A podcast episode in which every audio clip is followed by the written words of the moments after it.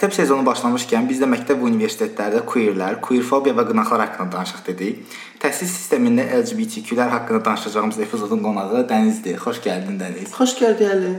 Biz artıq neçənci səfərdir ki, görüşürük. Biz hə, neçənci səfərdir ki, artıq hələ Məncə 3 oldu, hə, görüşdük. İlk İlk dəfə- dəfə 29-u görüşdük. Dərsin açıldığı gün dedik ki, elə həmin günü qeyd eləyək. Əfsus ki, alınmadı. Birinci dəfə işimiz çıxdı və yaxud da məkan problemi yaşadıq və bu günə Səhifədə də problem çıxdı. Səhifə bir ara şikayətdən bağlandı podkastın Instagram evet. səhifəsi. Təkrar açmaqla məşğul olduq və çox uzun çəkdi. Kaş ki edirəm ki, məktəbdən həmin gün çıxıb gəldiyimiz gün podkastlar olsaydı, çox, çox əla olardı. çox əla olardı. Çox pozitiv belə enerjik idik və hazır idik ki, həmin gün elə qeyd Amma məncə də indi enerjik. Səhərdən Eyni, birgə eyni, söhbət eyni. edirik, məncə çox yaxşıdır. Kifayət qədər. Gəl onda belə eləyək. İlk öncə biz harda oxuyuruq? Məktəbdə coming out eləmişikmi? Ümumiyyətlə də kimliyimiz variantasiyaları nədir bunu bölüşmək istəyirikmi? Bəli, Bunlardan danışaq. Danışa bilərik. Mən məsələn məktəbdə 13 yaşımda coming out eləmişəm. Məktəbdə LGBT bayrağı açaraq belə bir həvəsə gələrək eləmişəm. O mənim üçün həqiqətən çox problemlər çıxarıb. İstər müəllimlər, istər ə, direktor tərəfindən olsun, məktəb yəni daha doğrusu tərəfindən olsun, istərsə şagird tərəf tərəfindən olsun, həmçinin də ailə və ətraf bölgələrdə yaşayan insanlar tərəfindən çox kəskin reaksiyalarla üzləşmişəm. Sən necə olub məsələn? Mən ilkin növbədə qeyd edeyim ki, mən trans qadınam və ə, universitetdə oxuyuram 3-cü kursda. Ə, məktəbdə də, universitetdə də müəyyən problemlər yaşamışam. Ə, hər ikisində özüm coming out eləmişəm deməyim də, insanlar tərəfindən ifşalandığım olub və yaxud da ki, insanların gəlib üzümə qarşı soruşub, daha sonra insanlara yaydığı falan olubdu. Yəni və ə, eyni ilə yəni problemlər yaşamışam, istər müəllim tərəfindən, istər məktəb və yaxud da universitetdə işləyən digər insanlar tərəfindən və ya uşaqlar tərəfindən. Məktəbdə hər hansısa bir ayrı seçkilik görmüsən? Məsələn, mən əsasən müəllimlər tərəfindən də və şagirdlər tərəfindən də görmüşəm. Əslində bu sualım belədir ki, fobiklik ya da fobik aktlar kimlər tərəfindən olunur məsələn sənə? Dediyim kimi həm məktəb, həm universitet kimi iki ayrı məkanda ə, təhsil, yəni necə olur görmüşəm. İlkin növbədə hə məktəbdə də, universitetdə də bunu ə, bayaq da qeyd etdim ki, yəni fobiya ilə ə, üzləşmişəm. Məktəbdə də, universitetdə də təkcə yəni orada qrup yoldaşlar və yaxud da ki, sinif yoldaşları deyil, müəllimlər tərəfindən də, hətta işçilər tərəfindən də, orada işləyən digər insanlar tərəfindən də fobiya görmüşəm. Amma deyərdim ki, ən çox insana təsir edən, yəni ən çox belə ki, ağır gələn ə, hansı ki, qrup və yaxud da sinif yoldaşlarının fobiyası olur. Çünki müəllim bir dərs üçün girir bir gün içində, amma sən onlarla hər saniyə bir yerdəsən. Mən əslində belə bir şey demək istəyirəm ki, mən düşünürəm təhsil sistemi bizə nə verir? Bizə boş bir bina verir, hansı bina ki, onun içində hər bir şey edə bilərsən. Məsələn, mən şəxsi hadisəmdən deyim ki, mənim sinif yoldaşım 5 barmaq gətirdi dərsə, əsl 5 barmaq Gürcüstandan hətta sifariş etmişdi, amma mən tənəffüsdə LGBT bayrağı açdığım üçün daha kəskin reaksiya ilə qarşılaşmışdım. E, məktəbimizdən evimizə adamlar gəlmişdi, sinif yoldaşlarım mənə oturmurdu, müəllimlər mənə ayrı seçkilik edirdi və bu tip şeylər yaşayırdım. Həmçinin 7-8 nəfər küçədə üstümə bıçaqla cumub və mən daha əvvəl üstümə itlər cumdular. Əslində üstümə itlər cummamışdı açığı. Sadəcə əlimdə zibil var idi. İtlər üstümə gəlmişdi. Mən bundan qorxmuşdum uşaq vaxtı. Əslində 9 yaşım olardı. Və nevropatoloji tik keçmişdim. Elə oldu ki, Həmin mənim üstümə bıçaqla gələn insanlar itlə də gəlmişdi. Bəlkə də düşünürəm ki, bunu bilirdilər məndə belə bir şey olduğu və məni daha çox narahat etmək üçün eləmişdilər. Amma dediyim kimi həmin o 5 barmaqla gələn uşaq isə heç bir reaksiya almırdı. Ümumiyyətlə məktəblər çox kriminal bir yerə çevrilib deyə fikirləşirəm. Keşke bizim məktəbdə bir uşaq var idi. Gedəcək son gün idi. Və son gündən bir gün öncə sevgilisi, sevgilisinin qardaşı tərəfindən döyülmüşdü. Həqiqətən çox pis döyülmüşdü və xəstəxanaya getmişdi. Yəni bu tip şeylər həqiqətən baş verir. Məktəb bir kriminal aləmə çevrilib. Ən sadəsindən kimsə içəri girib rahat-rahat içərini belə bomba ilə girib partlada bilər. Çünki heç yoxlanış yoxdur da, amma mən orada tənəffüsdə heç bir dərsi pozmadan sadəcə şəxsi bir əşyamdır gətirmişəm, açmışam buna kimə nə. Çox gic-gic reaksiyalarla qarşılaşmışam. Bizdə ə, məktəb biraz ə, mən elə bir bölgədə oxumuşam ki, çox daha sərt qanunları olan bir yer idi. Yəni bizdə məsəl üçün xatırlayıram ki, direktor gəlib əlini saçımıza keçirdirdi və o barmaqların arasından qalxan saçları kəsirdi. Yəni nə bilim, binamız çox təzə idi və ona nəsə etmək olmazdı. Su divar atmışdıq deyə bizi ə, az qala qovurdular məktəbdən. Nə bilim, yəni çox ə, ciddi qaydaların olduğu bir məktəbdə təhsil almışam. Ona görə də bizdə elə kriminal nəsə bir şeylər falan çox da baş vermirdi. Bizdə bir də ki, əslində sən o saç söhbətini dedin. Saç söhbəti bizim sinif rəhbərimiz tərəfindən çox olunurdu və mən bunu qəhvə utandırma epizodunda da demişdim, Nərminlə danışanda ki, yəni bizdə də olunurdu. Məsələn, qız olaraq təyin olunan uşaqların yubkalarının ölçüsünə çox diqqət edirdilər. Bizim saçımıza hələ də diqqət edirlər. Bu arada mən hələ 11-ci sinifəm. Düzdür, yəni bu illərim daha sərbəst açığı. Sadəcə keçən illərdə həqiqətən çox pis sıxılmışdıq da belə. Dəhşətli bir şeydi. Sən məsələn məktəbdə hər hansısa bir hadisə yaşamısan və o hadisə necə böyüyüb ailənə çatıbmı? Yaşamışam. Bir neçə dəfə yaşamışam məktəb və universitetdə. Ailəmə çatması biraz daha şeydir, amma özüm, yəni ətrafıma məsəl üçün ziyan dəyib, yəni ətrafımda istəmədiyim insanlara xəbər çatıb, istəsəm vaxtı danışım. Məktəb vaxtı sənəmiş qız kimi təyin olunan, yəni qadın kimi təyin olunan insanlara yaxınlarıma bir ikisinə açıqlama etmişdim və LGBTQI+ nə olduğunu başa salmışdım, mənim kim olduğumu başa salmışdım və ümumiyyətlə mən yəni digər oğlan kimi təyin olunan insanlar yanıma gəlmirdilər falan filan və onlar da məni ifşalamışdılar. Bütün ə, oğlanlara demişdilər. Mən bir gün 10-11-ci sinifdə oxuyurduq, tam dəqiq xatırlamıram. 10 idimi yoxsa 11 idimi? Bütün oğlanlar belə deyək ki, başlamışlar hərəsi bir qız sevirdilər və bunu artıq sinifdə hər kəs dil, dilə gətirirdi, qızlar oğlan sevirdi və arada baxırdım ki, yəni mən qaynayıb getmirəm də. Məndən də sanki bir gözlənti var ki, mən də açıq nəzər edim ki, mən filan kəsi sevirəm və s. Və mən də getdim uzun bir müddət düşündüm ki, bunun üçün nə edə bilərəm və qərara gəldim ki, mən ə, gəlib sinifdə yalan deyəcəm ki, mən Falan kəsi sevirəm. Hə, filan kəsi sevirəm. Və bunun üçün də əslində düzgün insan seçməli idim və düzgün insan mən belə qərarlaşdırdım ki, sən demiş o bayaq nə bacısına görə qardaş döymüş falan filan, qardaş döymüşdü doğrusu. Mən də seçdim ən az mənə ziyan gələ biləcək insanı seçdim. Hansı ki, Aha. düşündüm ki, onu sevən yoxdur və çirkin də deyildi bu arada. Nəsə mən qeyd etmək istədim. Gözəllik standartı. Standartda təyin elədi orada. Bəli, mən zövqlü insanam. Nəysə, və həmin insanı sevirəm adı çıxartdım və o da mənim e, hardasa 9-10 illik yəni parta yoldaşım idi da. O gəldi mənə çox şey elədi ki, sən niyə belə bir şey deyirsən? Mən səni qardaş gözündə görürəm, dırnaq içində. Bacı gözündə görürəm. Bacı görürəm, mən sən bacı görə bilərsən. Hazır bacı görürəm. Özümə gəl. Hə, nəysə və daha sonra həmin qızı sevən başqa bir oğlan tərəfindən bir döyüldüm. Sinifdəki uşaqların qeyrət Oha. o qorumacılıq var ha. Onlar tərəfindən bir döyüldüm. Qızın əmisi oğlu mənə ayrı bir döydü. Qızın qardaşı mənə ayrı bir döydü. Ən az ziyan gələcək adam seçmişdim. Ən az ziyan gələcək adamı seçmişdim halbuki. Çox dəhşətli bir hadisə yaşamışam həqiqətən. Yəni həqiqətən universitetdə də ağlıma gələn də bu oldu. Bir dəfə deməli bizim bir qrup yoldaşımız müəllimə yaltaqlanır. Müəllim indi nəsə veribmi, nəsə. Hə və beləcə bu uşağa biraz bal artıq yazılmışdı. Yəni ki biz bilirdik ki bu insan balı bu deyil. Və mən bunu ə, çox əsəbimə toxundu. Ondan danışdım ki, yəni bu haqsızlıqda biz oxuyuruq falan filan, sən bunu beləcə almısan.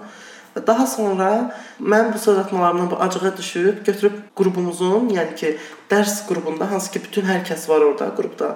O qrupa götürüb mən ifşalamışdım bütün qrupun önündə və sən demə bu insan edib? E, tanışlıq proqramlarından birində götürüb mənlə yazışıb, fake profil, fake Ay. rəsm, şəkil, fake adam falan filan və oradan müəyyən bir şeylər öyrənib, yəni e, belə deyək ki, seksimlə bağlı bir şeylər yazmış ki, seksdə hər şey eləyən adam görməli nə deyir falan. Seks fantaziyası kimi. Hə, seks şey. fantaziya da deyil, sıradan bir hə, oral yəni, hə, oral seks. Hə, anladım nə demək istəyirsən. Bəs ailəyə hər hansı bir şey çıxıb, məsələn, sənin gender kimliyi ya da orientasiya ilə bağlı yaşadığın hər hansı bir ailə seçikliyi ya da bunun üstündə baş verən bir mübahisə kimi Olub, olub. Mənim anam Frenkli dil dəstəkçidir, həmçinin bacım da. Atamla biraz aram limon idi. O da ki, ona da olmuşdu. Bir-iki dəfə olub uşaqlar çəkib qırağa istəyib biz sən oğlunla danışmaq istəmirik. O bizi narahat eləyir, bilməm nə bilim nə, falan filan, petuxdur, onu yığışdırın və s. kimi sözlər gəlmişdi. Bu məktəbdə də məktəbdən kənar insanlar da çox elirdi. Ancaq təbii ki, atam gəlib mənə dedim, "Ey, əziz yığışdır, sən gör kimlə söhbət edirsən?" Sən, yəni yığışdır. Hə, yəni belə-belə olub. Nə ağlıma gəlmir, bəlkə də sırf olubdu elə. Məndə bilirsən, əslində belə şeylər baş verib.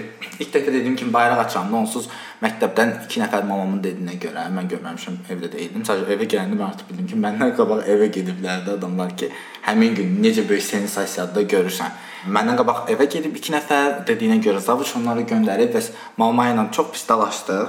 Düzü mən açığı deyim ki, ailədə heç vaxt fiziki olaraq mənə hər hansı bir zorakılıq göstərib, psixoloji zorakılıq əlbəttə olub, öz dəhşət hələ də davam edir. Ümid edirəm üstəsindən səmərli bir şəkildə gələ bilərəm. Amma ki fiziki olaraq heç vaxt demək olar ki, mənə hər hansısa bir ən sadəcə o ənənəvi baxış şey var. Şillədir də o belə olmayıbdı həqiqətən. Və təbii ki də bunu əslində şey olaraq demirəm.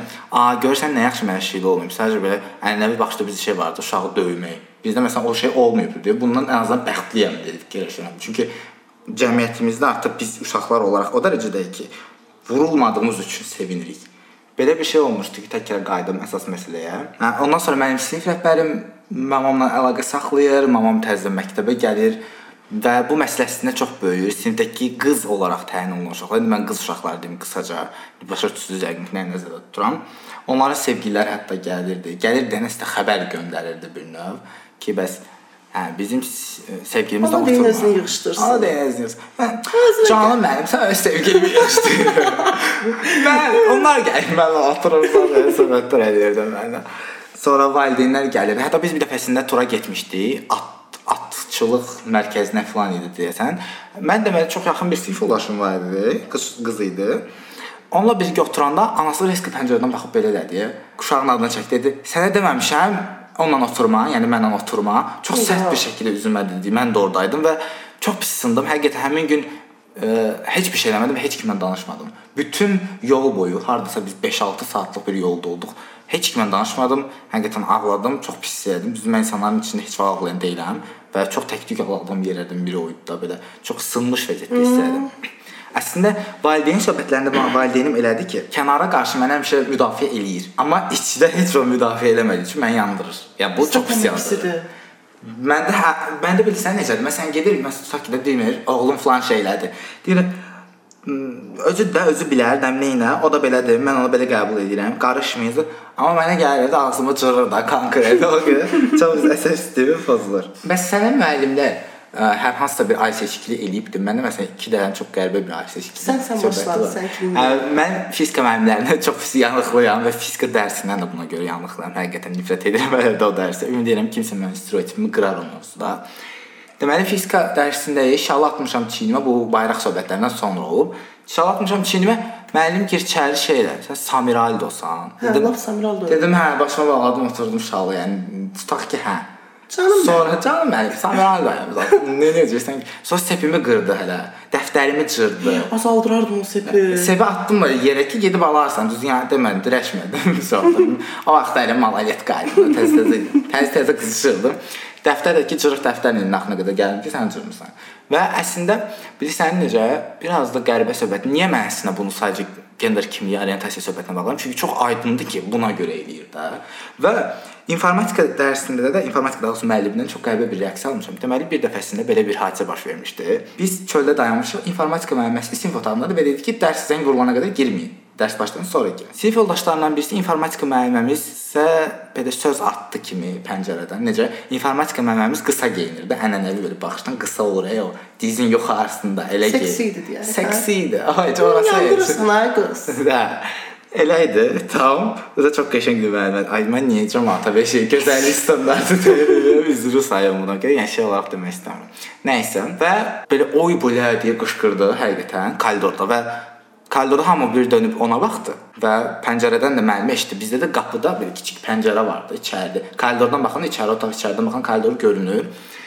Müəllimə elə bildi ki, mən eləmişəm və o söhbət gedənə qədər mənə belə tərs davranmağa çalışdı. Əslində demədi ha konkret sən eləmisən deyə. Çünki belə bir iddia qaldırmadı. Amma məsələn mən bir dəfəsində tutub dəftərimi şey eləmişdi, atmışdı ki, yazmamısan dərsən, halbuki yazmışdım. Sonradan dedim ki, vaxtda yazmışam. Və aqressiv danışırdı, qəribə hərəkətlərdə haçan ki, haçan ki mən o LGBT bayrağı açdım. LGBT bayrağını görəndən sonra 100% petuqdu da mən da mənim işim bu deyil imiş də 100% da bu deyil. Bu işə bizimki bizim tayfada bu yaxşıdır, qızdır. Sən Dərs mən narahat edənlərdən deyil. Mən fizika müəllimi dedim ki, mən fizikadan belə eləm. Mən ümumiyyətlə ə, yəni ailəm məsələn hər kəs bizdə fizikaçı idi və məndən bir gözlənti var ki, sən fizika çox yaxşı oxumalısan. Nə bilim ailədə alim var, fizikaçı, o var, bu var. Və mənim fizika müəllimim gəldi, düşdü. Mənim öz əmimin dərs dediyi adam Yəni universitetdə istədiyi adam gəldi bizə düşdü. Adam verəcəm. Nəysə, bu adam çox qatı müsəlman insan idi. Yəni ki, mənim oxuduğum bölgədə ə, hətta ad çəkə bilərəm Naxçıvanda dərsə müəllim baş örtüsü ilə girə bilməz və bizim də məktəbdə əslində elədi. Sadəcə bir-iki müəllim belə hörmət əlaməti olaraq şey edirlər və yoxlama gəlməz o müəllimlər dərsə gəlmir. Əslində mən bu qanunu burada çox kiçik üzr sayıb böldüm. Qəribə hesab edirəm ki, yəni niyə məktəbə hicabla gəlməsinlər ki? Yəni həqiqətən hicab nəyə təsir edir? Yəni və buna görə də əslində hicab qadağasının hansısa sənəddə ya da ki, məktəbə məsələn hicabsız müəllim girməməlidir. Söhbətinə çevrilməsi həqiqətən çox qəribə gəlir mənə. Üzr sayıb artıq bölüm istəsən sən davam problem, et. Problem deyil. Hə, mən fizika müəllimlə danışmaq istədim ki, yəni çox qəti müsəlman bir insan idi və ə, bu adam mənə tamam yəni başqa davrandı. Digər müəllimlərim kimi deyildi. Yəni məsələn mən ilk dəfə, yəni ailəm qarışıq ətrafında ilk ona açıldım. Yəni o dövrə qədər o müəyyən bir dövr olur. Mən kiməm, mən nəyəm, mən təkəm dünyada mən xəstəyəm. Sorğuluyursan. Sorğulama dövrü, ay sağ ol. Sorğulamadan keçdim artıq internetdə özümü araşdırdım falan filan, tapdım və birinə açıqlama ehtiyacı duyurdum. Sanki birinin bilməyinə ehtiyac duyurdum və bu insan o insan oldu. Çünki aramız yaxın idi, yaxşı idi. Və mən onunla danışanda mən qayıdıb bir kəlmə söz dedi. Dedi ki, mən ə, insanları yəni mənim dinimdə insanları Allah xatirinə sevmək var. Və həmişə də bu söz davam etdirdi ki, sən kim olursan ol, nə olursan ol, mənim üçün insansan və mənim ə, dinim hər kəsi Allah xatirinə sevməyə yəni şövq eləyir. Aha, mən isə din mövzusuna çox kiçik bir hissəsi toxunum belə. Hər sən hər nöqtə keçirəm bir şey toxunmaz. Din mövzusunda mənim fikirlərim əslində necədir? Mən düşünürəm ki, din məsələn İslamı götürsək, İslam fobik bir dindir. Okay, amma hal-hazırda sanki mənə elə gəlir ki, İslam belə biraz dəyişdirilir ki, məsələn bu da müsbət bir dəyişiklikdir. Düşünürəm hər bir dövrdə nələrsə dəyişdirilir, nələrsə adaptasiya olunur və bu da yaxşı bir şeydir fikirləşirəm. Təbii ki, əgər müsbətə doğru gedirsə, məsələn indi artıq queer müsəlmanlar var, müsəlman queer dəstəkçilər var. Hətta dünyanın ən böyük e, İslam ölkələrindən biri Pakistanda şey var, e, translar üçün, imenli translar üçün məscid açıldı. Hə məsələn bu bunlar əslində mən düşünürəm yaxşı bir şeydir. İnsanlar həm inanclarını, həm dəyərlərini itirmək istəmirlər. Həmçinin də queer friend olurlar və məncə bu çox yaxşıdır. Niyə də yox? Təbii ki, amma ümumi olaraq mən belə baxsam, mən düşünürəm ki, məsələn, din fobikdir, amma bu bu mövzuya adiyyəti yoxdur. Biraz tartışılır belə deyək ki, hə, bizim müzakirəli bir müzakirəli bir mövzudaysa. Və bir də sən əslində o günlərim demişdin ki, bir müəllimin incəsənətlə bağlı bir şey demişdin hə, mənə. Danışım. Deməli, inşallah mən İncəsənət Universitetində oxuyuram və ə, e, mən ora qəbul olanda düşünürdüm ki, hə, hər kəs incəsənət ruhludur. Gedəcəm, biz bütün gün mahnı oxuyacağıq, biz bütün gün rəsm bilməm nə. Xəyallarımdakı hə. incəsənət. İndi həqiqətə gəlim. Mən deməli kino fakültəsində, yəni televiziya və kino fakültəsində oxuyuram və ə, e, çox tanınmış Azərbaycanda çox məşhur bir insandır, yəni öz sahəsi üzrə bir insan. Ə, e, onlayn keçən semestr hansı ki bizə keçən kurs onlayn oldu 2 semestr və mən onun ən belə deyək ki, sevimli tələbəsi idim. Ən fəal və 98-99 bal 2 imtahanlarda da mən o insanın imtahanını elə keçmişdim. Və məndən çox yaxşı idi arası. Dərslərdə məni axtarırdı falan filan. Uje ki dərs oldu offline Gəldilər ilk gün mənə bir söz soxmalar, bir başqa rəftar, girib içəri mənə baxdı, baxdım biraz baxdı, gördüm ki, o mənə qəribə baxır. Qayıtdı heç durduq yerə, söhbəti dəxli belə yox idi. Qayıtdı ki, nə bilim, indiki oğlanlarda arvadlaşma gedir, nə bilim, kirpiklərini süzdürürlər. Olar bir sual verim? Əlbəttə. Sən həmin müəllimlə onlayn görüşlərdən daha əvvəl offlayn şəkildə görüşmüşdün. Görüşməmişdim, bir-birimizi görməmişdik. Hə, bəlkə də ona görə bir şey düşün. Bir realda görüm. Ah, bu vəbşə feminin imiş. Mən belə görürəm. O dərslərdə mən əla davranırdı. Mən yəni oğlan, mən oğlan deyiləm bilirsən. Mən oğlan, özümə gəl. Yığışdır özünü bir dəqiqə. Və daha sonra həmin insan, daha doğrusu ilk necə başladı danışıq? Bir belə ki, qadın gedi sinifə, hansı ki özü yəni sis qadındır, yaxın dostum, çox friendly insandır. O gəldi və qayıtdı ki, sinifdə yeri yox idi artıq oturmağa. Oğlanlar durun ona stol verin, stul verin. Mən e, feministlik falan dolamıram. Kişi qadına kömək etməlidir. Və bu mövzudan tullandı. Seksist danışdı. Onun ardıcı da mənə söz soxmalar, sonra qayıtdı nə bilim adam şey eləyir. Leonardo da Vinci-ni tənqid edir ki, pozğun həyat yaşayır. Pozğun, hə, elə deyir, çox baxmayaraq ki, çox gözəl rəsmləri var idi, amma o deyir iyrənc həyat yaşayırdı. Oğlanla yatıb dururdu bir çox incə sən. Allah deyir bir tərəfdən belədir, bir tərəfdən Allah. Belə çıxır ki, sənə nə də yəni. Əgər sən Leonardo da Vinci-nin rəsminə görə hörmət edirsənsə, sən orada mən oturmuşamsan, lap ataq ki, tutaq ki, sən fobiksən. Sən orada məni edirsən. Yox da nə dəxli var Leonardo nə edib evində, nə edib həyatında? Sən fobiksən. Yaxşı, sən fobiksən, lap, lap da ki. Sən mənim beynim lazımdır. Sən mənim necə bir tələbə olmağım lazımdır. Necə göründüyüm, necə rəftar etdiyim, feminen yoxsa maskülen olmam lazım deyil ki. Və bəzən əslində biz məsələn öz kimliklərimizi göstərənə bizə deyirlər ki, niyə hər yerdə öz kimliyinizi göstərsiniz? Və buna görə göstəririk ki, biz hər zaman burada olduğumuzu göstəririk siz axmaqların gözünə girsin ki, bax biz burdayıq. Və hər yerdə fobikliklərini yarına utanmırlar, çəkinmirlər, amma bizim öz kimliyimizi göstərməyimiz nəsə insanları narahat edir. Və bir də bəlkə sual əslində mən unutdum. Sənə hər hansısa qiymət təsiri olub bu mövzu ilə bağlı? Olub, olub. Mənə də əslində olub. İstəyirsənsə mən bir kiçik danışım. Bu dediyim kimi bəlkə fizika söhbətlərində olub. Həmçinin bu özümü aparmama şəklimə görə də ümumən bütün qiymətlərimə təsir olub məktəbdə. İndi düşünürəm ki, indi hər şey daha yaxşıdır. İndi hər demək olar müəllimlərlə də aram daha yaxşıdır. Amma keçmişdə hə, məndə olub demək olar. Səndə sıxışdırma daha çox olubdu fikirləşirəm. Düz özüm də məsələn super oxumurdum fənləri, açıq etiraf edirəm. Hətta demək olar ki, çoxunu oxumurdum. Şey olaraq seçdiyim fənlər. Mən özü bunları axıram, söhbət edirdim. Düz çox da belə düz hərəkət deyil, amma eləyirdim yəni. O fənlərdə də belə biraz qərəzliklərim olub. Mən istər universitet, istər məktəbdə biraz belə deyək ki, fəal olmuşam, yəni elə deyim hələ də. Və məsələn, birinci kurs hansı ki ə, offline başladı və ikinci semestr təzə başlamışdı ki, martda biz keçdik onlayn ə, təhsilə. Bizə ə, rus dili dərsi var idi. Əslində dərs yaxşı qalsın, qoyulur rus dili bilinsin, problem deyil. Müəllim gəldi və mənlə çox yaxşı, mənim də rus dilim çox aşağı idi də, yəni səviyyə olaraq, çünki mən rus dilini çox sevməmişəm, məktəb vaxtı oxumamışam, baxmayaraq ki, 6 ilə yaxın e, keçmişik. Müəllim başladı mənim prinsipə düşdü. Heç nəsiz. Yəni məsələn, hər kəs səs çıxarır, mən bir səs çıxaran kimi mənim belə belə və bu başladı artıq kollektivlarda, yəni aylıq bir dəfə götürülən o imtahan ki var, onlarda mənim balları endirməyə. Yəni 8-lik danışıramsa məni 7 yazdı, 7-lik 6 falan filan. Sonra gəldi imtahan, ə, imtahana girəndə hansı ki mən bilirəm ki, yəni belə bir çıxmasın, yəni mən özümü tanıyıram, bilirəm ki, mənim kəsilmə ehtimalım çox azdır bu imtahana. Çünki hazıram, hazırlaşacağam da.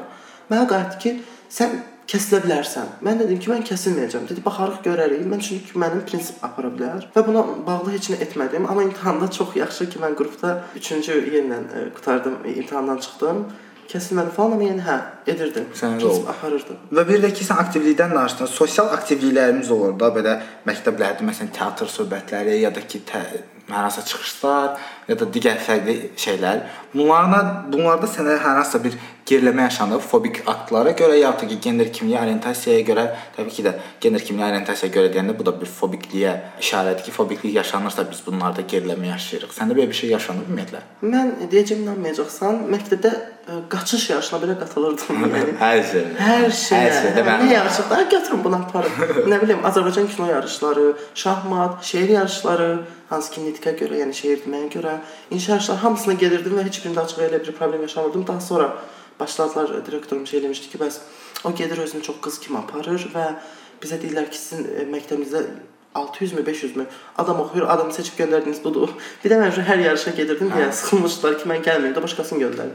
Bilirsən mənim sosial aktivliyim açıq çox olmayıb. Çünki uşaqlıqdan bəri elə bir insan olmuşam ki, məsələn, bağçaya getmişəm, bağçanın ilin sonunda bizə şey yazırdı müəllimlər ki, uşağın psixoloji durumu filan feşməkən mənə yazmışlar ki, bu uşaqla biz ümumiyyətlə danışmamışıq və bilmirik də. Həqiqətən belə bir şey yazmışdılar. Çünki heç vaxt danışmamışdım müəllimlərlə 1-2 dənə cümlədən başqa.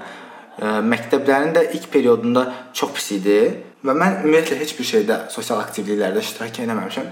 Sadəcə belə bir şey xatırlayıram ki, mən də bir fobikliyə görə geri çəkilmişəm. Bayraq açma söhbətindən artıq sonra olub. Bakı Nəqliyyat Agentliyindən deməli oxuduğum məktəbə bir dəfəsində bir tədbir üçün gəldilər və burada bir sual verilmişdi ki, uşaq vardı yəni, uşaq verildi sual. Dedi ki, avtobus, tutaq ki biz avtobusdan endik.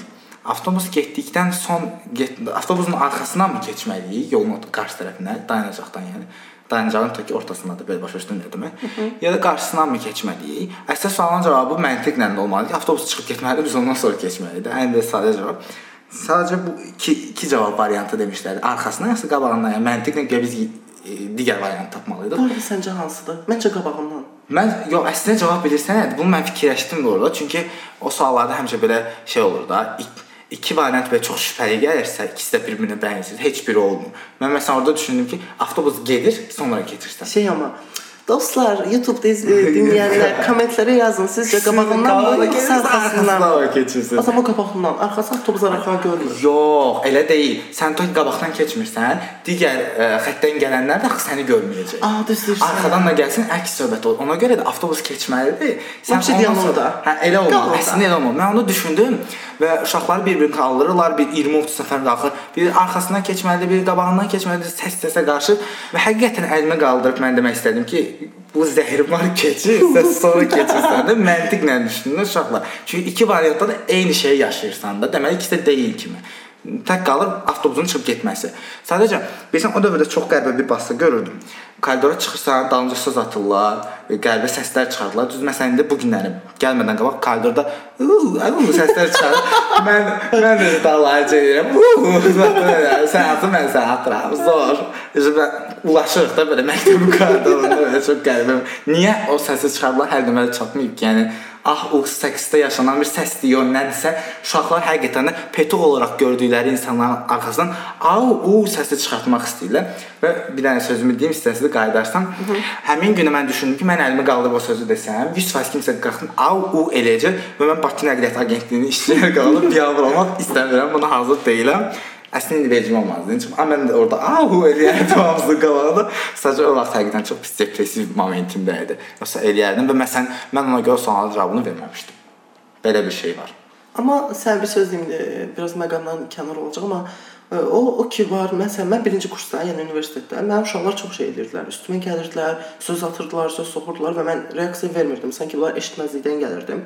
Amma bu dəfə qayıdanda dedim ki, mən icazə verməyəcəm ki, istər müəllim, istər tələbə heç kəsə mənim üstümə gəlsin. Yəni o deyir, qara məyə basınca mən qara basım. O gün e, ilk dərs günü hansı ki girdim və bir qrup yolda mən tez gəlmişdim. Bir qrup yoldaşım sonradan gəldi. Başladı ki, görürəm şu. Bunun şalvarına bax, nə bilim, qayıtdım mənə deyirsən. Və o da yəni belə ki, xarici görünüş olaraq kifayət qədər böyük insandır. Mən dərşillə vursa mən yerdəyəm. Diva kimi çıxdım qabağına dedim ki, "Ey, yığışdır, ey, Əzmə gəl. əzmə Əzmə gəl." Kiminlə danışırsan? Mən də bu, hə. Üzr istəyirəm. Dedim ki, hə, bəs nə olub da, yəni falan filan qayıtdım və o moment yəni hər kəs belə baxdı ki, budur bu, yəni bu birinci kursdakı maldır falan qorxutdum. Yəni necə qorxutdum, üstünə getdim. Daha sonra tənəffüsdə mənə qayıtdı dərsdə ki, tənəffüsdə görüşərik falan, razılıq çağırdı mə bacım. Nəysə, e, tənəffüs oldu. Bu məni çağırmadı. Mən getdim, o çağırdı ki, biz danışmalıydıq falan. Gəldi dedim, bilirsən nə var? Qorxduram. Dedim ki, mənim işin olmayacaq. Mən sənə salam vermirəm, mən salam vermirəm. Mənim işin olmasın. Dedim, işin olsa gedəcəm dekanlığa, o da yetməsə rektorluğa, o da olmasa polisə. Necə qorxdum. Yığ mənə, 102, yığ mənə. 102 yığırsan orada yazır Əli. Rəzət. Və inarsan o gün bu gün, yəni ayın 29-dan bu günə qədər həmin uşaq da daxil olmaqla heç kəs mənə ya salam vermirlər, ya heç nə yoxdur. Yəni məsləhət görərdim ki, düzdür, döyülü beləsiz bir şey məsuliyyət daşımır. amma kimsə sən üstünə gəldi, geri addım atanda daha da gəlir. Bəzən amma bu situasiyasına görə dəyişir. Bilirsən, bəzən həqiqətən də susmaq bəlkə də ən düzgün ya da ki ən belə necə deyim, səni situasiyadan çıxaracaq variantındır. Bəlkə də həmin şeyin üstünə getmək, bəlkə də ikisini biraz qarışdırıb eləmək yerinə görə dəyişəcək. Yəni sən demişsən məsələn situasiyaya. Eynən, məsələn sənə bənzər bir şey də məndə yaşab. Bayaq açdığım il mən həqiqətən koridora belə cəməyə çıxa bilmirdim və həmin il növbəti ilin də yarısına qədər demək olar ki, bufetə də düşməmişdim. Halbuki evdə məsələn yemək aparmırdım, məktəbdən alırdım. Dostlarımdan xahiş edirdim ki, dostlar deyəndə sinifdəkilərindən xahiş edirdim, onlar getsinlər. Hətta düşün ki, mən ayaq yoluna belə getmirdim. Düzdür, normalda da məktəb ayaqyolundan çox istifadə edən bir insan deyiləm, amma normalda istədiyim zamanda belə getmirdim. Səbəbi isə bilirdim ki, ora getsəm yenə mübahisə olacaq, yenə nəsə olacaq və mən istəmirdim. Düzdür, həmişə beynimdə olurdu ki, sən acığa mütləq tənəffüsdə çıxmalısan qapının qabağında, koridorda, yəni bu gün gəldiyini göstərməlisən. Yəni içimə burdadır. Qız gəlib, bacı gəlib, yığışdırın. Amma içində qorxu var. Çünki biz 3-cü mərtəbədə oxuyurduq. Mən 3-cü mərtəbəyə çıxanda mütləq gün ikinci mərtəbədə Petov, Məməzok zət qışqırılmalıdır. Məməzok nədir? Bilmirəm, bir nəfər gəlib mənim belə çiynimə vurmuşdu. Məməzok pulum var. Onda Məməzok. Qəribə sözdür. Maraqlı sözdür. Maraqlıdır. Məmə nə?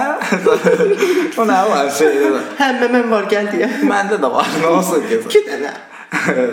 Ərəsi belə qəribə şeylər. Amma bu illərə baxsaq, keşki Doja Catin mahnısı gəlir, məncə yerə sürünürəm kanka. So best friend the Doja. Şey, hələ kiss me more zat belə yerdə sürünürəm də mahnıda heç kim vecimə deyil ki, koridora da elə çıxıram. Məktəbdə dostu, nə nəyin, nə bilim, nə idi bir adam var, adamlar gəliblər. Təhsil nazirindən gəlib asan xidmət. Hə, onlar mən kömək üçün gəliblər. Bitirirlər universitetlərində onlar bir ə, nə deyirlər ona, təcrübə kimi bir şeylər gedirlər. Məsələn, onlar belə qabağında bir hoppan hoppan gedirlər.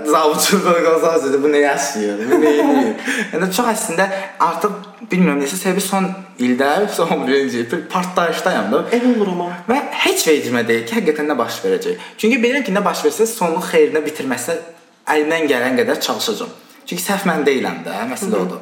Və bu illərim həqiqətən çox şey reaksiya göstərir və bəzən dediyim kimi reaksiya çox fərqlidir. Reaksiya bəzən üstünə də getmək ola bilər. Reaksiya bəzən onun səsində olmaq da ola bilər, ya da onun tempində danışmaq olar, ya da susmaq ola bilər. Situasiya. Aynən, situasiyasına görə çox dəyişə biləcək şeydir. Və bir də sənə bir şey deyim. Bu əslində bayaqların belə danışdıq biz bu haqqda. Yenə də biraz qayıtmaq istəyirəm. Məktəbdə və universitetdə yaşadığım bir şey həmin məktəb binasına kənarda sənə necə təsir göstərib. Yəni tutaq ki, məsələn məndə belə bir şey demişdim, bayaqlarım üstümə bıçaqla gəlmişlər falan. Bu məktəblə bağlı bir şeydir. Çünki məktəbdə yaşadığım ə, hadisənin təkrarından yaranır. Məktəbdəki adamlar belə deyək ki, hə, hə. Hə, o da ola bilər ya da ki, kənar bir şəxs ola bilər ki, məktəbinlə bir əlaqədə ola bilər kimi. Məsələn, mən dedim, bizdə 2-3 məktəb yanmayandı və hər birinin qaqaş qrupu bir-birinə əlaqəli belə şey qruplarda şəbəkə yaradıblar özlərinə, nə ediblər. Və mən orada belə gəzirdim o şəbəkənin içindəki Petuq var burada uşaqlar. Hətta fikirləş birazdan kiber hücuma da gələcək. Mənim şəkillərimi yayıb adresimi falan yazırdılar. Desən, göyə bilmirsiniz. Bir də gəlin gəl nə edirsən? Mamam evdə, mamama nə edirsən? Sonra elə bir ki, böyük bir insana evdə tək yaşayıram kimi də. Okey, gəl də çox veçmədi kimi. Onsuz çox adam bilirdi yaşadığım yeri. Məndə məktəbdən kənar şey olubdu. Bir məktəb belə sinif yoldaşım götürüb bir dostuma, hansı ki, həmin dostumun özü də qeydidə, yəni götürüb ona yazmış ki, biz ona petuq deyirik, sən kiminlə dostluq edirsən, fikir ver. O da götürüb ağzına gələn yazımı bloklamışdı falan. Yəni bir neçə belə-belə şeylər olub ki, o öz özünə petuq deyir, nə olsun ki? Məndə də dediyim kimi şəkillər yayılma söhbəti olub, hücumlar olub. Küçədə getdiyim yerdə dəfələrlə söz atma olub. Çünki deyim ki, yaşadığım mikrorayonda demək olar hər kəs bilir də bu söhbəti. Məktəbdə baş verən ya da məktəbdən kənar nələrsə olduqda, hətta mən sənə bir şey deyim. Mə bizim məhəlləmizin aşağısında bir bərbər var imiş. Bərbəri görməmişəm. Öyle bir bərbər olduğunu bilmirəm və mən o bərbərdən göyə yatır almış. Və uşaq amma Yaxşı. 14 yaşım var, bərbərin 20 neçə yaşı var. Yəni ki, güya mən ondan saks edirəmmiş kimi. Amma həqiqətən nə bərbər, bəlkə heç bərbər yazını özünün belə xəbəri yox imiş də ha- hadisədən ki, uşaqla saks edir. Bəlkə də xəbəri var. Yəni heç bir məlumatım yoxdur. Həqiqətən hələ də bilmirəm ki, o bərbər kimdir. Və çox maraqlıdır ki, sən 14 yaşında bir uşaq hansı fantaziya ilə bu şeyi Çox- qurmaq istəyərsən də. İrənc Çox qəribə. həqiqətən. Məndə olub. Mən dediyim kimi rayonda böyümüşəm. Yəni təhsilim orada oldu, orta təhsilim və mən həmişə buna cəhd göstərdim ki, həmin o din fizika müəllimim də mənə çox bu şeydən e, məsləhətlər verirdi ki, bəs ehtirasa özünü yəni itirib, qapıdırıb, yəni kimləsə səhv bir şeylər etmədən, yəni seks etmə mənasında yox ha, səhv edib dilə düşmə. Mən buna görə çox fikir verdim. Məsələn, bilmirəm səndə olub ya yox, məndə 10-11-ci siniflərdə hansı ki, artıq yeniyetməliyə girdilər bunlar, bunların belə deyək ki, ehtirasları oyandı və hamısı başladı mənə girişməyə. Hamısı. Cəmlikdə hamısı üstümə gəlir təklikdə. Demək olar ki, əgər bir 10 misal üçün belə deyək ki, oğlan varsa, nə demək istədiyimi yəni məncə insanlar. Onun bir 8-i, 9-u təklikdə mənə girişmələr, seks təklifləri falan filana başlamışdılar. Amma heç birindən heç nə etmədim, rayonda heç kəslə içməm. Bir nəfər mənim rayonda partnyorum olmuşdu və o da elə bir insan ki, heç kəs bilmir bilməzdi. Amma bütün rayon gəl gör ki, məndən danışır. Güya mənim hər kəsdə şəkillərim var. Mən nə bilim, bütün rayonu paylayıram. Paylayıram sənə. Sənə nə? Vəbşə sənə nə? Mənim Paylayıram, özümə gəl. Mənim də kimə istəsən verərəm belə. Və mən dedim ki, mən şəkillərimi yaymağı periodu mənim üçün çox çətin idi həqiqətən. Çünki fikirləş makyajlı bir şəkildir. Həqiqətən bunu sadəcə dost çevrəm üçün açıq idi öz Instagram səhifəm. Instagram səhifəmə proqramla izlədim. Proqram adını vermək istəmirəm həqiqətən. Və bunu daha əvvəlki desən podkastlarda demişdim. Gördüm ki, günlük saat başı neçə nəfər insan girib izləyirmiş səhifəmə. Yəni nə qədər bekar olarsan ki, bir insanı girib bu qədər izləyir. Mən özüm özümü həqiqətən bu qədər izləmirəm də. Bir də demişəm, paylaşıb çıxıram da. Ondan sonra pis dünya bitdi yəni. Aşkım sən fenomensən. Həyatım mənim fanatlarım çox. Fənətlərimə salam göndərirəm. Buradan bütün hamısına sağ Az sən fanatım var. Mənim dəhşət bir situasiya idi. Yəni sonra mən səhifəmi bağlamalı oldum evdəki reaksiyalara görə. Bir də mən əvvəldə əslində özüm dedim mənim üçün bina nə ifadə eləyir ya da məktəb ya da təhsil sistemi nə ifadə eləyir. Bu sualı təkrar sənə də vermək istəyirəm. Təhsil aldığın bina ya da binalar ümumiyyətlə sənin üçün nə ifadə eləyir? Bir dənə gözləyə bilərsən, mən bir şey eləmək istəyirəm. Bir şey eləmək istəyirəm. Mənim telefonum. Hə. Drama queen olmaq istəyirəm. Ə, yox, zarafat bir yana, həqiqətən mənim üçün məsələn məktəb ə, yaradır. yara, yara. Götürün dəsmallarınızı, götürün. Ağlayır. Ağlayırım. Ay qız, mən illərimi verdim. Okay, zarafatsız ə, həqiqətən məktəbdə 11 il insanlarla oxuyursan və çox yaxşı aran davam edir ə, və yəni necə başa salmısan? Sən bu insanlarla böyüyürsən, hər bir şey bunlarla yəni yaşayırsan. İndi məktəbi bitirəndən sonra ola bilər ki, Portland seriyəsən. Mən çox istərdim çünki. Və bu məktəb bitəndən sonra elə ki o son zəngi olur, başlayır hər kəs bir qruplaşmağa və sən bu qruplaşmadan çox kənar qalırsan. Və bu məni çox pis hissetdirmişdi ki, mən ə, məsələn mən Naxçıvandan Bakıya gələndə təhsil üçün ə, ailəmsiz gəlmişdim. Daha sonra ailəm gəldi. Və mənim burada heç bir dostum yox idi. Ə, yəni düşünürdüm ki, onlarla gəlib burada yenə dostluq edəcəyik və heç bir mənə yaxın gəlmədi, heç bir mənlə halqa qurmadı və mənə məsələn çox pis təsir elədi və bu gün də var ki, mən ə, hələ də psixoloji, yəni travmaların hamısı məktəbdir və onları aşmağa çalışıram. Ona görə də məktəb mənim üçün yaradı. Moskit yandırıram. mən keçəm. Məktəb mən dediyim kimi mənim üçün yenə boş bir binadır. O binadakı sən hər bir şey eləyə bilərsən, amma o, bina sənə düzəməli bir təsir verməyəcək, ya da ki o binanın içindəki sistem sənə yetəri qədər düzəməli bir təsir verməyəcək təbii ki. Bəzi öyrətdiyi şeylər səfsif olacaq, bəziləri düz olacaq, bəziləri həyatının çox önə lazım olmayacaq. Və sənə ümumən praktiki təcrübəni çox verməyəcək açığı. Üstəgəl sənə həqiqətən çoxlu travmalar verəcək və travmalar üstə səninlə birgə işləməyəcək. Məsələn, bundan bir şey deyə bilərəm. Bizdə bullyinqə qarşı tədbir var idi güya. Elina söhbətlərində, Elina hadisəsində daha doğrusu baş verəndə necə oldu? Mən hardan bilməsəm bullyinqə qarşı tədbirdir. Biz getdik tədbir otağına oturduq. Bir istəyirsən Elena hadisəsini xatırladaq, necə olmuşdu? Aha, istəyirsən hə. Hə, Elena deməli 13 ya 14 yaşında bir e, insan idi, fərd idi və məktəbdə bunun üstünə çox gəlinmişdi və o da məktəbdə ona qəhvə utandırma olunurdu, homofobiya olunurdu, Aha, lezbiyan, qəhvə deyilirdi. Daha sonra bunun üstünə gəlirdi. Anasının ikinci dəfə evlənməyinə görə yenə e, qəhvə utandırma olundu. Və o da ə, e, koridordan özünü atmışdı. Aha, və bir də bir şey var. Məsələn, ən sadəsindən koridorda Elina özünü atandan sonra məktəbin pəncərələrini mismarla bağladılar. Bizi bütün məktəblərin Ən azından bizim bizim Yaxşı. biz koridora çıxırdıq, fikirləş ki, sinif otaqlarımız okey açıqdır.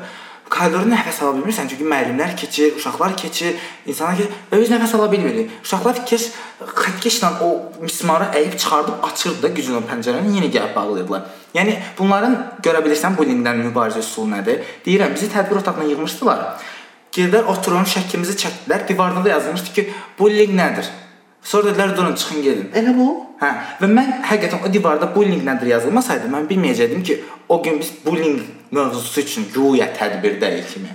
Və insanların həqiqətən bullyinglə mübarizəsi pəncərəni kilitləməkdən ibarətdir. Fərqi yoxdur, o pəncərə istən dəmir barmaqlıq qoydur, nə bilim ya tapşır hamıya ki, nə bilim pəncərədən özünüzü atmayacaqsınız, nə etməyəcəksiniz, beyninizə soxun. Biz gedib başqa bir binadan da açsaq. Əgər səbəbkarı məktəbdəki travmalarınızda yenə günahkarsınız. Bunu başa düşmək lazımdır və bu əgər sizə başa düşürlər, başa düşürsünüz, yola verirlər. Məsələn ki, işləmək maraqlarında deyil. Yəni Nə olar olar özü bilər. Məni maraqlandıran bir şey deyil. Yəni bu da həqiqətən. Bəs sən yaşadığın ailə seçkilərlə bağlı hansısa şikayət vermisən? Açığı polisə bir dəfə şey olubdu. O da belə olmuşdu ki, bilmirəm, bu əslində təhsillə bağlı idi deyil. Bu, bu arada təhsillə bağlı deyəndə əslində bu şikayəti də təbii ki də danışa bilərsən. Təhsillə bağlı şikayət edəndə məncə ümumiyyətlə şikayətən sadəcə polisdən söhbət gedir. Məsələn, gəlib zavçı şikayət edirsən, direktor şikayət edirsən. Ya da ki, universitet sistemində üst səviyyə hara şikayət etmək mümkündürsə. Universitetdən elə danışacağam axırıncı. Bu yayda mən universitetə dayandırmağı düşünürdüm. Çünki bütün ətrafımı çalışırdım ki, ancaq həyatımda görmək istədiyim və mənə pozitiv enerji ötürən, yəni sevdiyim insanlardan ibarət olmağım üçün çalışırdım. Və həmin oradakı uşaqların bir çoxu mənim həyatımda olmağını istəməyəcəyim insanlardan ibarətdir. Yəni müəllimlər də buna daxil olmaqla. Bu səbəbdən universitetdə dayandırmaq istirdim. Daha sonra fikrim dəyişdi ki, bəs universitetdə davam edeyim, o diplomu alım və s. xarici çıxış yolu olsun və s. və s. viza üçün. Nəysə, mən bu dönəm ərzində indi universitet oxuyanlar bilir, tutorla əlaqə qurdum. Yəni var e, zamdekan, dekan və tutor. Tutorla sən əlaqə qurursan, o ehtiyac şeylər gedib onlara deyir. Yəni birbaşa onların qarşısına getmirsən. Və mən tutora bir neçə dənə səs atdım ki, bəs mən e, yəni məlumat almaq üçün mən qrupda yəni bullying görürəm, ayrıca təhsil alma ehtimalım varmı və yaxud da nəsə bir şeylər falan və mənə heç cavab vermədi. Eynən bu növbəti əslində mən sənə istəyirəm ki, şikayətə olunan qiymətləndirmə araşdırma necə olub və ya heç nə cavab belə vermədi və daha sonra üzə gələndə heç belə bir belə bir mövzu danışılmayıb və mən eyni zamanda onun içində e, universitetə dondurmaqla haqqında da sual vermişdim. Mən universitetdə bəlkə dondurmaq istəyirəm. Bullyingi keçdim kənara. Okay, bizim bir qrupumuz var bu ixtisasda. Niyə mənə demirsən? Bəlkə mən dondurmaq istəyirəm. Eynən. Və belə bir şey deyim ki, mənim polisə şikayət kimi bir çıxışım olmayıb həmin dövrdə. İndi düşünmürəm ki, belə bir şey olsa çox da ciddiləşməsə bir şikayət verim. Özüm cıraram. Həzir dırnaqlarımı. Pəncələrimi çıxardaram. Lazım deyil.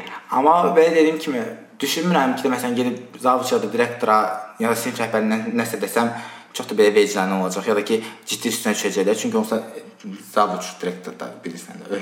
Evimə adam göndərən zavç kimi. Yəni ya da ki, adi məsələn sinifdə dayanmışıq. Sinifin qapısından sinif rəhbəri içəri gəlib bilər. Xiyar, Peto, ha, sinif rəhbəri nə desin ki? Okay-də az yaxşı. Az var. Geynidas. Geynidas. Yaxşı. Hə, nəsə belə qəribə şeylər. Və ümumiyyətlə təhsil sistemində LGBT-ləri təsvir etsək, təhsil sistemində ümumən heç kim yoxdur. Məncə bu təhsil sistemi olmasın. bu təhsil sistemində, bu məktəblərdə hamısını bağlayın. Heç bir heç bir faydanız yoxdur həqiqətən. Düzgün bir faydanız yoxdur və insanlar xüsusən də gənclər əgər ə, məqsəd olaraq özlərinə hər hansısa bir sənəd alıb, burdan rədd olub çıxmağı görürlərsə, deməli siz böyük bir boşluqdan ibarətsiniz. Xüsusən də cəmiyyət tərəfindən təcrid olunmağa çalışılan, marginallaşdırılan insanlardan olan LGBT-ləri bu sistemin içərisində təsəvvür etmək çox qəlizdir. Məsələn, hətta trans kimlikli insanlar, məsələn, sən trans kimlikli insanları məncə düşünürəm ki, çox-çox ayrı seçki yaşamısan. Çox. Açığı mən müqayisə etmək istəmirəm, lakin belə bir şey deyim ki, mən hə biraz şüvənliyim var idi deyə mən daha az şey eləmişəm. Reaksiya bəlkə də görmüşəm, bəlkə də demək olar ki, müqayisə etmək çox da etik deyildir, fikirləşə bilərik. Amma mən azdan belə düşünürəm ki, mən məsələn trans olaraq come out eləsəydim, daha da kəskin reaksiya görürdüm. Evdə də kəskin reaksiya görərdim, məktəbdə də və hər yerdə. Yəni məsələn ən adi bir şey deyirəm. Mən yəni podkast dinləyən insanlar üçün deyirəm, tranzisiona başlamamışam. Yəni və ə, e, əslində başlamağı düşünürəm. Hal-hazırda da yəni başlamaq üçün demək olar ki, hazıram aşağı-yuxarı.